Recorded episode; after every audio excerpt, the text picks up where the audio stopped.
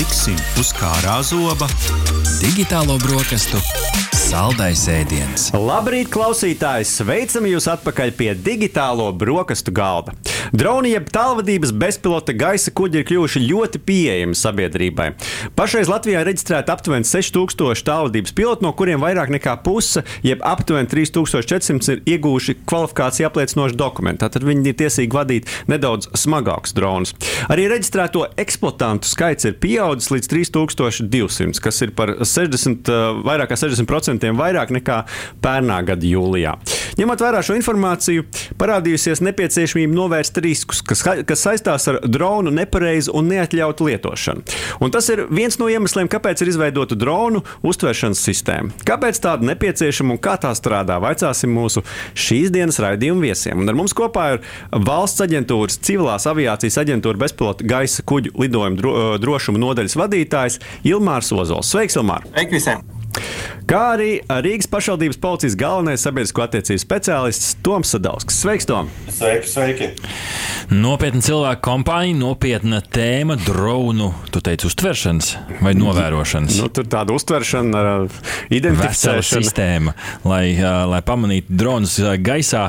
Nopietna tēma, taču pirms mēs ienistam šajā nopietnajā tēmā un tad saprotam, kā tad droni tiek novēroti, pamanīti un uztverti, varbūt sākumā ieskicējam Ilmāru mūsu klausītājiem par to, no ar, kādiem, ar kādiem mērķiem Latvijā pārsvarā droni tiek izmantot. Jo nu, tie mērķi var būt dažādi, vai ne? Tur izklaide, darbs, varbūt jau sports un tā tālāk. Varbūt ir ieskicēt to kopējo dronu ainu un situāciju Latvijā. Protams, joprojām droni lielā daļā gadījumu tiek izmantoti izklaidēji, brīvā laika aktivitātēm, bet arvien vairāk tos izmanto arī dažādiem komerciāliem mērķiem un specifisku uzdevumu izpildīšanu ne tikai komerciālajā pasaulē, bet arī tiesību sargājošajām iestādēm, policija, robežsardze lai veiktu savas funkcijas daudz efektīvāk nekā tas, tas tika darīts agrāk.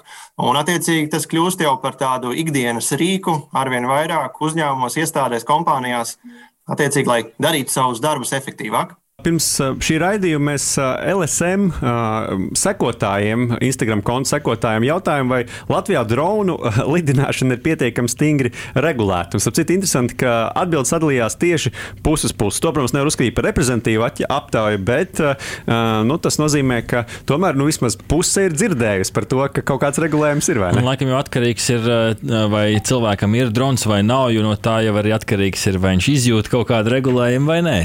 Gan jau, ka dažādi dažādi iemesli šo, šo ietekmē, bet beig, beigās mums, mums ir skaidrs, ka ir regulējums, un mums ir arī novērošanas tehnoloģija. Ilmār, tad paturpināsim ar, ar tevi pastāst, lūdzu, kā tad mēs nosakām Latvijā, nu, konkrēti, laikam jau Rīga, mēs par Rīgu šobrīd runājam, kā droni tiek pamanīti. Tad uh, vispirms jau jāsāk droši vien, ja drīkst maz komentāru par to, kāpēc tas regulējums ir.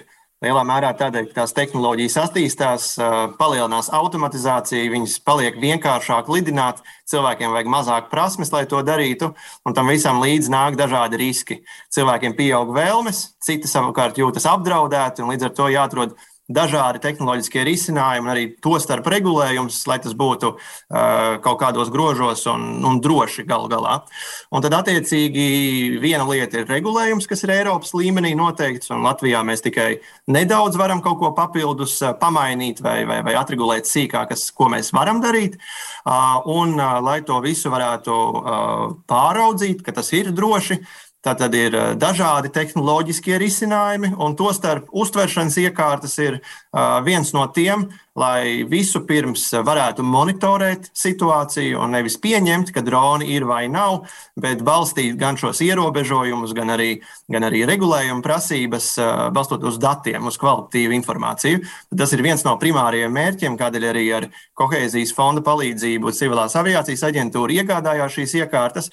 Nu, un, protams, tas ir arī tehniskais līdzeklis, lai tie, kuri nevis mazliet pārkāpt, bet jau ievērojami pārkāpt noteikumus, lai viņiem varētu pakratīt pirkstu un pateikt, atgādināt, ka nu, jāsako līdzi drošībai un, un ir jāievēro kaut kādas normas, lai neaizskartu citus. Savukārt, Tom, tev es gribēju vaicāt, kāpēc šāda sistēma vispār ir nepieciešama? Nu, kāds ir tas mērķis un kā tas veicina sabiedrības drošību? Jā, nu šajā gadījumā es domāju, ka tā sistēma ir nepieciešama ļoti vienkārši iemeslu dēļ, jo citādi jau patiesībā ir diezgan grūti kontrolēt dronus. Nu, jo, ja mēs skatāmies, nu, piemēram, pa pilsētu brauc automašīnas, tur ik viens izējot ārā, viņus redz. Ik viens, mums ir arī ļoti daudz aktīvu cilvēku, kuriem sūta pārkāpumus un tam līdzīgi. Bet, bet, bet ja mēs skat, runājam par droniem, nu, Ja viņš lido īpaši, ja viņš lido ārpus šī atļautā augstuma, nu, piemēram, jau 200 metru augstumā vai kā tam līdzīgi, viņu visdrīzāk neviens neredz, bet tajā pašā laikā apdraudējumu viņš jau rada.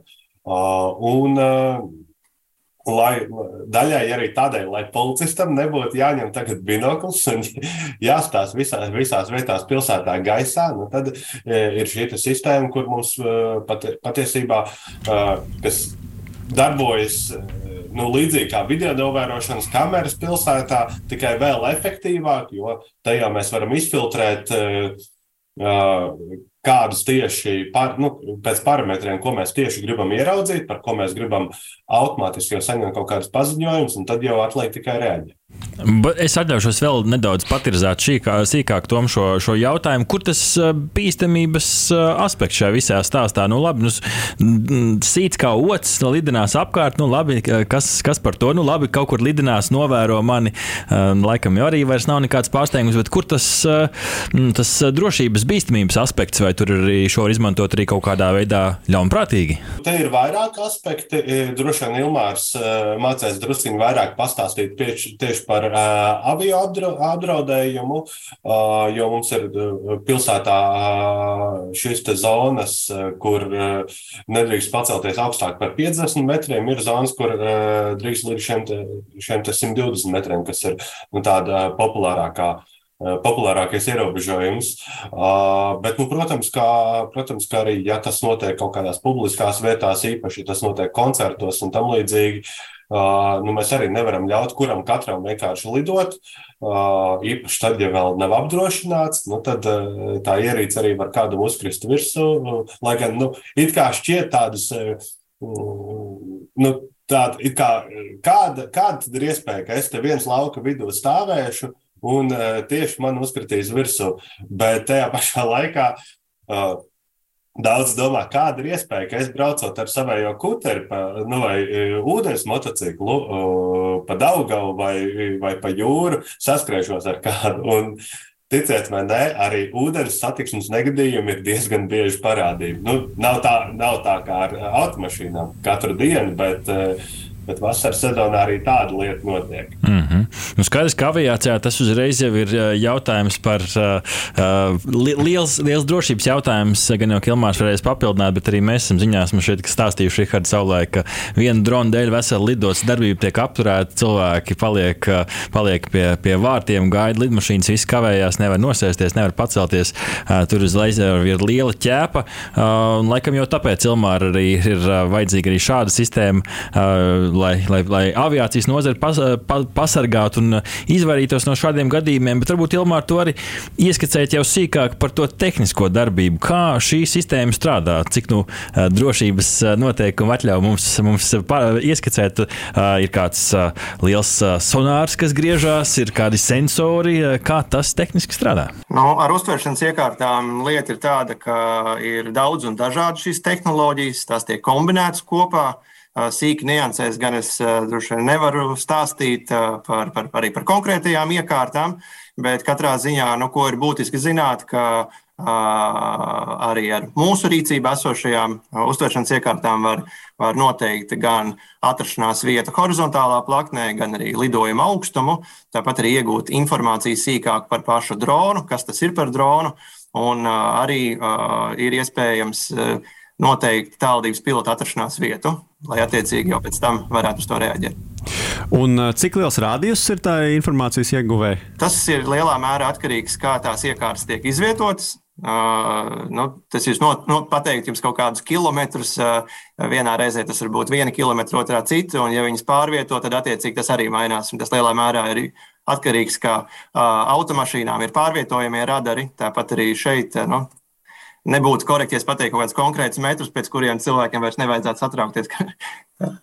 Tom? Varbūt nesakot precīzi, kāda tur ir tie uh, rādījusi.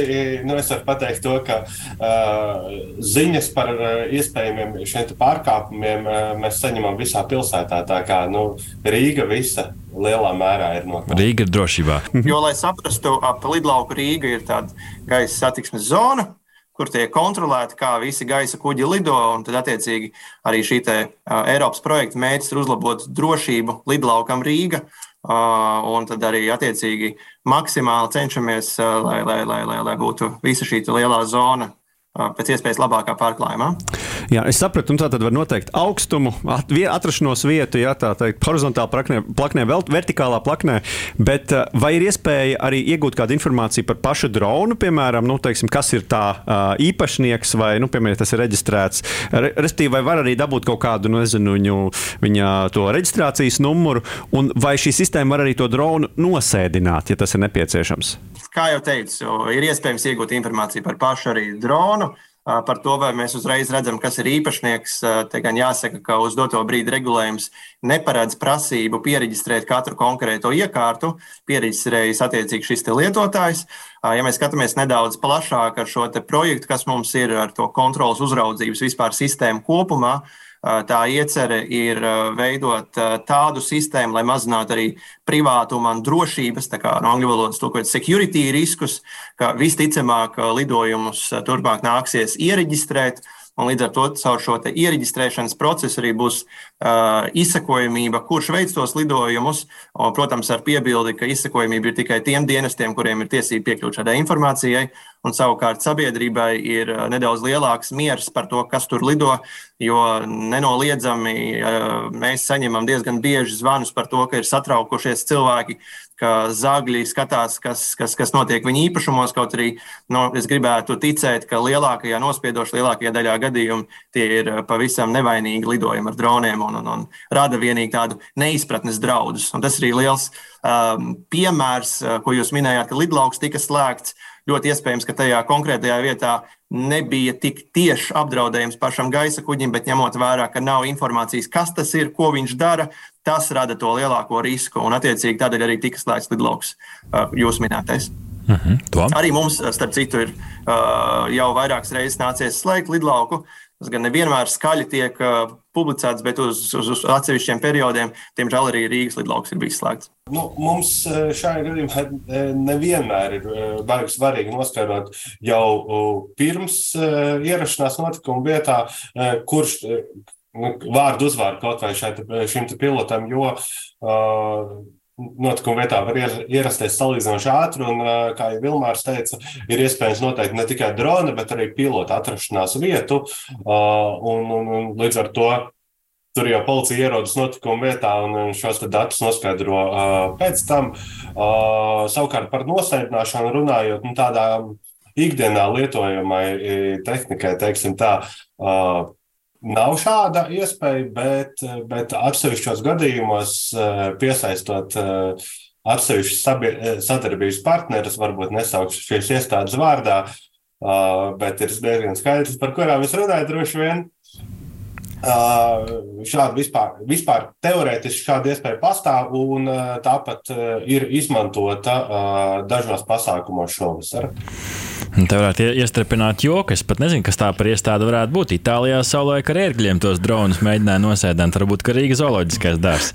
Bet labi, tas tāda liriskā, liriskā atkāpe. Cik ātri tom ir jārēģē? Kāds ir standarta reaģēšanas laiks uz šādiem izsaukumiem pēc jūsu kārtības noteikumiem, vai kā to varētu nodefinēt labāk? Nu, tāda konkrēta ierobežojuma vai, vai noteikuma, cik mums ātri ir jāizbrauc, protams, ka mums īsti nav, bet, bet nu, jo ātrāk, jo labāk. Uh, bet uh, tieši tādēļ mums uh, ir attiecīgi nu, plānot šie resursi. Mums ir visās rācijās un arī automašīnās iekšā, iekšā GPS un tā tālāk. Un tad jau šis operatīvās vadības centra darbinieks redz, kur atrodas visas automašīnas, kur atrodas mūsu kājnieki, tā teikt. Un, un tam līdzīgi. Un tad jau var vienkārši aizsūtīt tuvāko, mm, ja viņš konkrēti jau tajā brīdī nav aizņemts kādā citā svarīgā notikumā. Nu, ja viņš ir aizņemts, nu, tad sūta otro tuvāko. Vai, piemēram, šādu iekārtu var noteikt, ka, kad kāds drons ir nozagts? Nu, ja kādam nozog, nozog dronu, līdzīgi kā ar šiem mazajiem eh, izsekošanas iekārtām, dažādām operētā sistēmām, dažādiem ražotājiem, kur ielikt nezinu, pie maka, pie atslēgām, nu, vai līdzīgi, līdzīgā stilā arī var zakta, zaktu dronu uh, atrast ar, ar šādu sistēmu, vai tik sīki mēs vēl nevaram ieraudzīt uh, par, par droniem informāciju. Ilmārs, cik, cik, tur, de, cik tur detalizēti var, var šo visu piefiksēt? Nu, es domāju, ka Toms šo te var atbildēt pēc savas pieredzes. Ja nu praksē, praksē vēl, mēs vēl tik tālu neesam nonākuši, un, un te ir tas viens aspekts, nu, ka pašlaik šīs ierīces nav obligāti jāreģistrē, vismaz ne visas, un, un, un līdz ar to nu, nav tādas atsevišķas datubāzes, kā, nu, piemēram, CSDD, kur visas automašīnas ir reģistrētas un kur mēs varētu uh, pārbaudīt, latviešu sakot, cross-checkot. Tā, attiecīgi datus par uh, redzeslokā lokā nonākušo dronu un to dronu, kurš, kurš ir nozagts. Bet te es uzreiz vēlos piebilst vēl vienu ļoti būtisku niansi. Tas ir pats iesniegums policijai, jau ziņojums par to, ka vispār kaut kāda zādzība ir notikusi. Jo uh, bieži vien uh, cilvēki gaida, ka policija tagad pēkšņi atradīs uh, nozagtu telefonu, nozagtu datoru vai vēl kaut ko, uh, bet, bet, bet izrādās, ka iesniegums nekāds nav bijis, un kā tad policija vispār kaut ko var noskaidrot. Un, uh, Tur gan, protams, ka vairāk ar šīm zādzīvām nodarbojas valsts policija, bet arī no savas pieredzes valsts policijā es atceros, ka ir bijušas vairākas tādas situācijas, nu, kad tiek noķerts nu, teiksim, tāds zaglis ar stāžu. Un pēc tam pie viņa mājās uztaisīt kratīšanu, pie viņa atrod piemēram 50 mobilos telefonus. Salīdzinot visādus e-mail kodus vai kādas citas identificējošās uh, zīmes, izrādās, ka kādiem pieciem, desmit no tiem telefoniem īpašnieki mēs reiz varam atrast, mm -hmm. jo redzam, ka rekur ir bijis iesniegums un ir uh, arī iesniegumā norādīta šī identificējošā informācija. Un viss pārējais ir jāliek mājaslapā, atrastās markas, mm -hmm. un tad jāgaida, ka kāds pieteiksies. Mm -hmm. nu, protams, arī mēdīs ir piesaistam tādās situācijās. Tā. Piebilde tikai tāda, ka tie, kas varbūt vēl nav saskārušies paši ar to prasībām, kas jāievēro veicot lidojumus ar droniem, tā ir viena no pirmajām lietām, kas jādara. Ir jāreģistrējas kā lietotājiem, jāiegūst reģistrācijas numurs. Un ar to numuru ir jāmarķē attiecīgi drons. Un tādā veidā arī pieņemsim, ja ne gluži nozagts, bet uh, var gadīties, ka tiek pazaudēta kontrole, viņš kaut kur aizlido, pazūd, kaut kur varbūt nokrita, un, ja, ja to atrod, tad attiecīgi tādā veidā var arī uh, to dronu atgriezt uh, īpašniekam. Mhm. Mums ir vēl palikuši daži praktiski jautājumi, uz kuriem mēs varbūt gribam tādas uh, īsas atbildes. Uh, nu, viens ir tātad bez šīs pieminētās jau reģistrēšanas, Ilmār. Uh, nu, kas ir tas minimālais komplekss, kas ir jāizdara katram, kurš grib droši lidināt savu dronu? Minimālais komplekss. Tātad pirmkārt uh, reģistrējamies, marķējam dronu. Uh, Noteikti iesaku ieiet Civilās aviācijas aģentūras informatīvajā mājaslapā droni.ca.lv, kur iepazīties ar pamatlietām, kas ir jāzina. Pamatlietas ir nedrīkst veikt lidojumus augstāk par 120 metriem, ja nav noteikti zemāki ierobežojumi. Apkārt Rīgai ir gana uh, lielā teritorijā ierobežojums 50 metri. Tālāk uh, diezgan būtisks nosacījums ir saglabāt dronu uh, šī tālredzības pilota tiešā redzamībā, proti, redzēt visu laiku, kur tas drons lido, lai varētu izvairīties no šķēršļiem. Un nepietiek ar to, ka mēs skatāmies kamerā, mums ir jāredz pats drons. Un tad, attiecīgi, jāievēro drošs attālums no trešām personām. Tas ir atkarīgs no tā, cik smagu un ar kādām tehniskajām niansēm dronu mēs izmantojam. Un tad beigu beigās ir jāstāsta arī kartē vai konkrētajā vietā. Nav kaut kādi specifiski ierobežojumi, kādi objekti, kur tuvumā tie lidojumi ir iepriekš jāsaskaņo, vai varbūt viņi ir vispār aizliegti. Tas ir galvenās lietas. Mm -hmm. Lieliski, paldies. Esam, manuprāt, uzzinājuši par jaunu, arī savā ziņā inovāciju priekš Rīgas, kas tiek izmantota, lai padarītu mūsu dzīvi drošāku. Jo, nu, zinām, draudi var būt gan mūsu skart šeit uz zemes, gan arī izrādās debesīs. Mm -hmm. Tā kā liels paldies! Gan Ilmāram Ozolam no Civilās aviācijas aģentūras, kā arī Tomas Adolskim no Rīgas pašvaldības policijas par to, ka iepazīstinājāt mūs un klausītājs ar šiem jautājumiem. Paldies jums, kungi! Vislabāk! Aha! Paldies, ka noklausījāties mūsu līdz galam! Ja patika, uzspiediet laiku, atstājiet komentāru vai padalieties ar draugiem. Un nobaudiet arī citas epizodes, kā arī sekot mums, lai nepalaistu garām savu ikdienas tehnoloģiju ziņu devumu.